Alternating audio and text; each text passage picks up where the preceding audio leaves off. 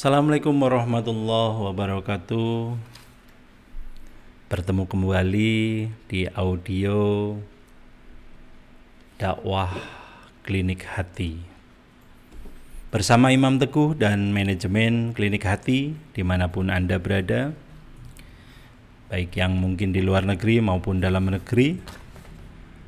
Di sini saya akan mengingatkan pentingnya 10 hari terakhir di bulan Ramadan. Tidak terasa lebih dari 20 hari kita sudah menjalankan ibadah puasa dan alhamdulillah kita masuk di 10 hari terakhir. 10 hari terakhir sangat-sangat luar biasa perjuangan kita baik untuk fisik kita maupun untuk spiritual kita. Tentunya 20 hari lebih kita sudah menjalankan puasa dan itu luar biasa. Badan kita, jasmania kita secara langsung sudah terdetok baik mungkin selama ini 11 bulan makanan, minuman baik yang mengandung penyakit maupun mengandung lemak dan sebagainya itu didetok di saat bulan-bulan Ramadan saat ini. Selama 11 bulan kita melakukan makanan dan minuman yang bebas dimasukkan ke seluruh organ tubuh kita. Di satu bulan, khususnya di bulan Ramadan, alhamdulillah badan kita terdetok baik secara fisiklinya atau jasmaniahnya maupun secara ruhniahnya, ruh yang ada di dalam badan kita juga terdetok karena difilter segala asupan apa pun juga baik yang arahnya ke jasmaniah maupun ke ruhniah kita. Dan di 10 hari pertama kita sudah lewatin berbagai macam masalah mungkin baik mungkin pencernaan baik mungkin fisik badan kita baik mungkin jantung, hati, limfa, paru-paru kita terasa kaget 10 hari pertama. 10 hari yang kedua mungkin sudah mulai terbiasa dengan adanya melewati 10 hari pertama penuh dengan detok, mungkin asam lambung naik dan sebagainya.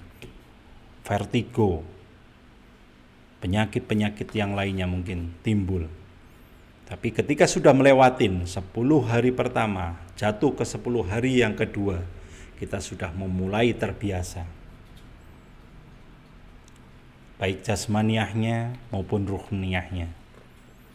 Dan saat ini kita 10 hari terakhir jangan sampai terlewatkan untuk detok tubuh kita atau jasmaniah kita mungkin sudah terbiasa.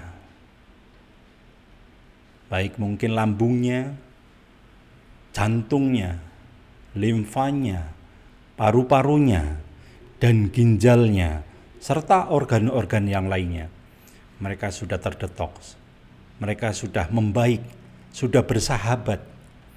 Tapi untuk ruhniahnya kita, kita harus benar-benar melakukan istiqomah yang ibadah, istiqomah yang benar-benar lebih mendekat lagi kepada Allah Subhanahu wa taala. Karena Allah sudah menjanjikan keindahan-keindahan. Allah sudah menjanjikan pahala-pahala yang kita raih ketika kita bisa menjalankan amal ibadah di saat 10 hari terakhir. Oleh karena itu, 10 hari terakhir di bulan Ramadan diupayakan, diusahakan memaksimalkan diri kita untuk selalu lebih mendekat lagi dan lebih istiqomah lagi dalam kita meraih kesuksesan di akhir bulan Ramadan. Sepuluh hari bulan Ramadan terakhir itulah letak kita mengalami sesuatu hal vertikal yang harusnya lebih mendalam dibandingkan 10 hari pertama dan 10 hari di tengah bulan Ramadan. Nah, salah satu